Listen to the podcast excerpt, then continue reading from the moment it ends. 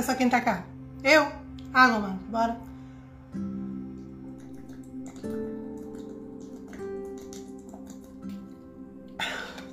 Aguinha. Olá, meninas. Cá estou. Saudade de Stalita fala um bocadinho. Claro que isto tudo é terapêutico e não muito nenhum pode fazer tanta diferença, mas na minha faz. Esse fato de bem bem conversa com eles um bocadinho. Meus problemas até falam essa casa, Covid. É, mata. Uh, no início foram sintomas leves, mas com o passar do tempo, bate tomar o peito inteiro. Então, não é que eu esteja assim mal, mas cansaço fala, tá cansa, por isso que engraçado também litiu também bem, bem fala. É tosse, é o cansaço, é dor um pouco na caixa torácica, mas vai passar, estamos a melhorar. Hoje me fazer teste PCR, minha teste tinha dado positivo segunda, nunca tenho muita esperança para uma ainda só estou sentindo um bocadinho pálida, né? Você vê um sol dessa fuça. E lá do lado, como é que estamos? Da espera amanhã estou de saúde, te cuida. Quem é que te testa? Batesta, pomada às vezes, que você te dá nenhum sintoma. Desculpa, mas. Por que você te dá nenhum sintoma, mas tá lá. Ali na casa, covidente através de minis, não foi nenhuma loucura nem nada. É professora de minha filha mais nova acusa Dez dias depois, minha filha começa a sentir febre, passa para aquele outro, passa para o pai, pai passa para mim, e embora Sorry. Esturas teve sintomas leves, ou quase nenhum, foi só febre para aquele sinal, a mídia aí deixa um, um bocadinho mais, mais derrubada. E mim fazer exercício, então fazer diariamente. A minha pessoa leal a minha é super carinhosa, muito mesmo, mesmo muito carinhosa. A minha amiga, a minha atenta, a minha flexível, compreensiva. Às vezes até um bocadinho demais.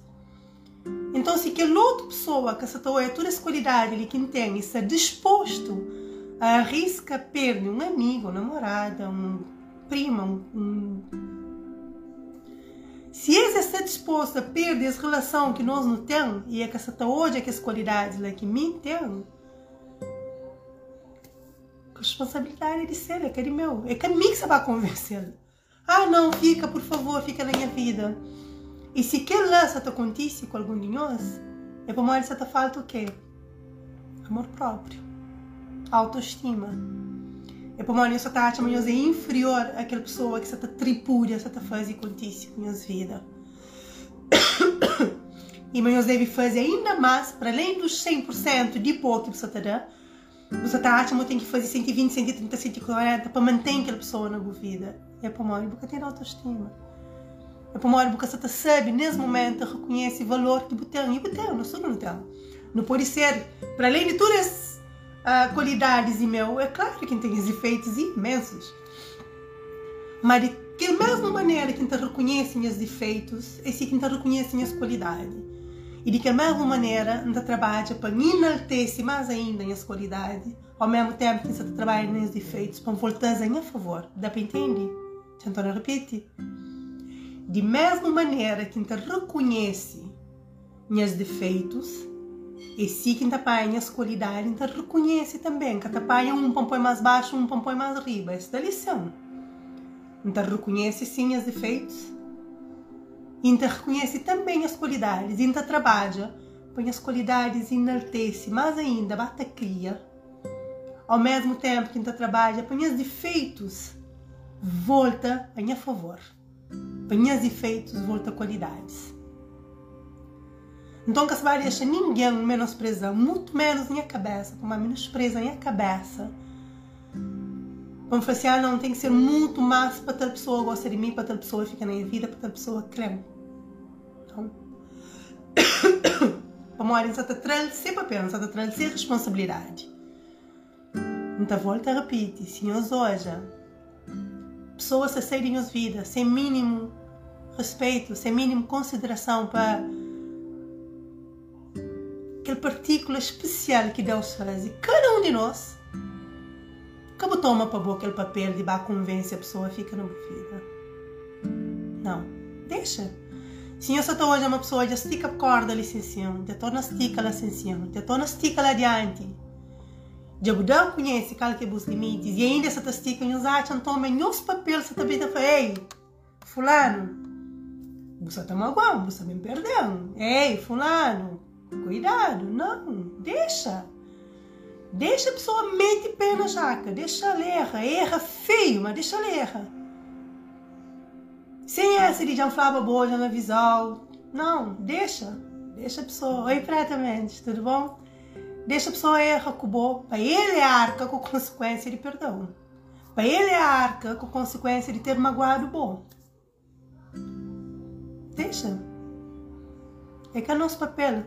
Satabá naquele outro para abrir o olho, para falar, de ouvir as pessoas especialistas assim que estão na vida que a pessoa quase está perdendo. Quem é a nossa responsabilidade? Deixa cada qual arca com suas escolhas. Se escolhe aquela é que tem melhor entendimento no momento para tratar o melhor, para reconhecer o modo que é especial, para reconhecer os pontos fortes, para reconhecer o que tem defeitos, para vir para flow, cara a cara, frente a frente, ei, tem umas coisas que vai dizer que momento se trabalha, mas está ali com o para o trabalho através dele.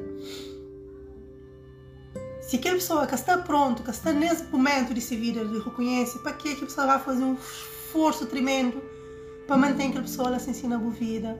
Para mal digo crer, crer, crer, crer. Às vezes é que aquele que não crê que é aquele que é mais correto para nós. E nesse momento ele se ensina nossa, está embaixo, um crescenta começou a porcaria. Mas acaba uma hora em crer que isso também ser aquele é o mais correto para mim, que também põe em risco tudo em trabalho desse último ano e meio. Às vezes, Chantona Flamenense, aquele que não crê é que aquele que é mais correto para nós. E minha nem as orações, nem as conversas, nem com, nem com Deus, meu ser superior, não está assim, olha, não pode só crer uma coisa que é cadreto para mim, deixa boa vontade prevalece, mora vou ser mais aqui mim, aquele ser que está ajeita esse universo, disse sim, que dar o livre-arbítrio, sim, mas que não está com que não está fé, fala assim, olha, minha visão pode ser limitada então tá entregando a bom, faz e poucos equipados melhor. Às vezes não crê tanto em alguém na nossa vida, tanto, tanto, ai, incrível, crepifica e aquele alguém está satadjando, tá destruir nosso coração. Mas não está lá, pegado. Quando tudo se nossa te mostra, mas, mas quem é o mais correto?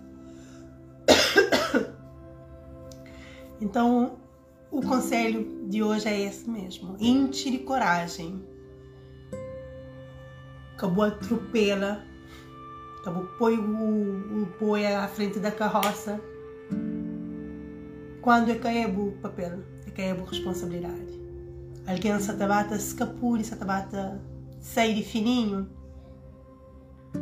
Põe, primeiro passo, é, é complicado, cá? Reconhece para uma hora que não estás íntima, alguém está ignorando, principalmente se é relação amorosa. Primeiro, coisa que não está pensando, o que é que faz, o que é de errado, hora que me pode melhorar, o que é me pode fazer para a situação ficar melhor, quando muitas das vezes é que é nosso.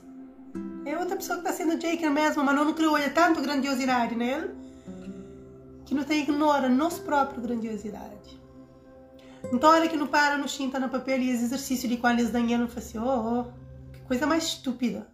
É claro que sabe uma meia fixe, mas podia ser mais quando não é assim.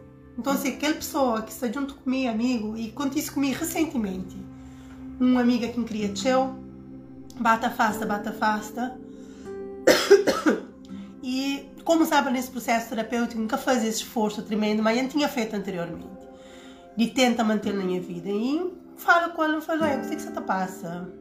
E eu falo, conta isso A, B e C, e não acredita uma boa mal comigo e viram e falou assim, olha, um age sim, um age mal, mas na altura não se agiba mal com o mundo, comigo mesma e lamento que acaba para apanhar para tabela.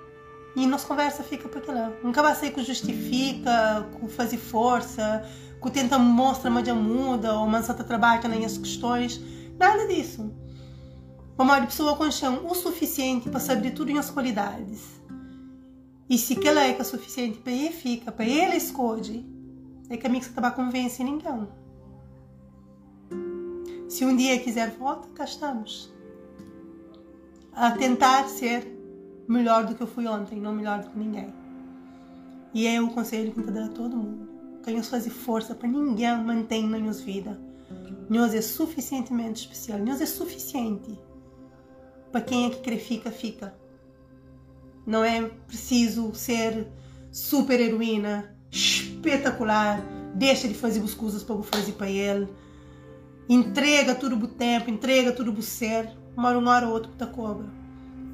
Vale a pena. Põe no papel. Cinco. Teu?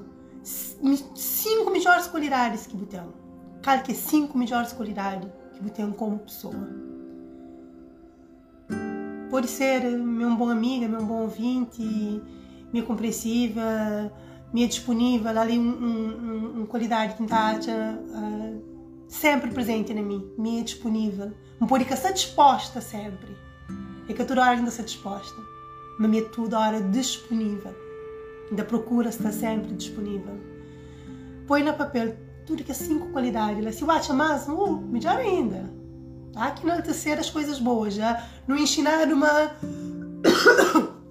Mas não tem que ser humilde para não ser pessoas do bem. Na hora de não ultrapassa. Mas ser humilde que significa não pisoteia a nossa cabeça, não deixa de reconhecer nossa qualidade. Não é nada disso. Ser humilde é mas nossa qualidade é que é melhor do que ninguém. Mas é reconhecer-se. É com o fato de ser isto e aquilo que está fazer melhor que ninguém, que ela sim é ser humilde. Mas é reconhece mim é isto e aquilo. Então põe lá no papelzinho escrito a mim é minha qualidade tal, a mim é minha qualidade tal, a mim é minha qualidade tal.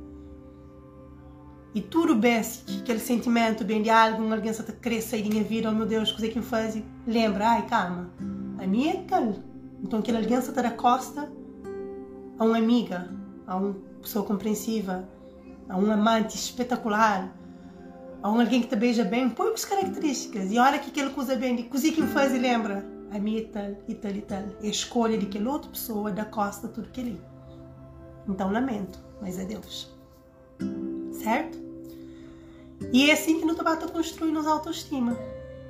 E é assim que no Tabata deixa de minimiza, despreza nossas qualidades para não enaltecer de que os outros. Às vezes não está querendo hoje aquele outro alguém como um príncipe, uma princesa, não está pai, não está põe altar. E na verdade aquele alguém só é tudo que ele ouro lá para nós não vestimos tudo que ele ouro lá, é é tudo que ele coisa lá não. E em vez de no pai não visse nossa cabeça com as vestes lá, com verdade, com honestidade, não está que acredita que alguém melhor do que nós. Bora trabalhar essa autoestima, certo? E assim, tu espera quem que ali fica por escolha que fique por escolha. Não, não venho pedir, rogar, implorar. Se faz algum sentido, se ecoa em alguma parte do nosso coração, que seja pelo bem. Que seja para não bater melhora, para uma hora que me melhora a cabeça um bocadinho, bom melhora a cabeça um bocadinho, que outra pessoa bate melhora um bocadinho. Aí o mundo vai ficando melhor, né? Menos estresse. Não tornando essa experiência que é vida muito mais prazeroso. Que é assim, sim que é meu intuito, meu propósito. Certo? No meu trabalho, nunca quero perder nenhum nós. Não quero mesmo. Mas se for uma escolha, respeito, tá? Beijos. Saúde, meninas. Quem é que está no meio do Covid como esta pessoa e se sensa tudo fechado, bloqueado. Nariz e neta para sentir um bocadinho, tá? E é esse cansaço, mantém-te recuperando, tenta bem sempre. Bem partilha com nós um bocado, meninas ideiazinhas. É ótimo fazer as mini sessões de terapia. Nesse que cuidar saúde para nós, para aqueles de nós, e nós bate teste, meninas. Capa mora nós fazemos um teste há três semanas que nós cadeiras de teste. Nunca sei memória que no nosso país, mas ali na, ali na Portugal, não tem direito a seis testes por mês, uh, gratuitos. Então, bata usa. Se usar também se tem, se corre algum risco, faça. É melhor trazer-se com a cabeça ali. Volto a reafirmar Hidratem-se. Às vezes não se chatear, é só saírem dele. E não se cuida. Cuida do corpo, cuida da mente, cuida da saúde no geral. Beijos! Boa noite!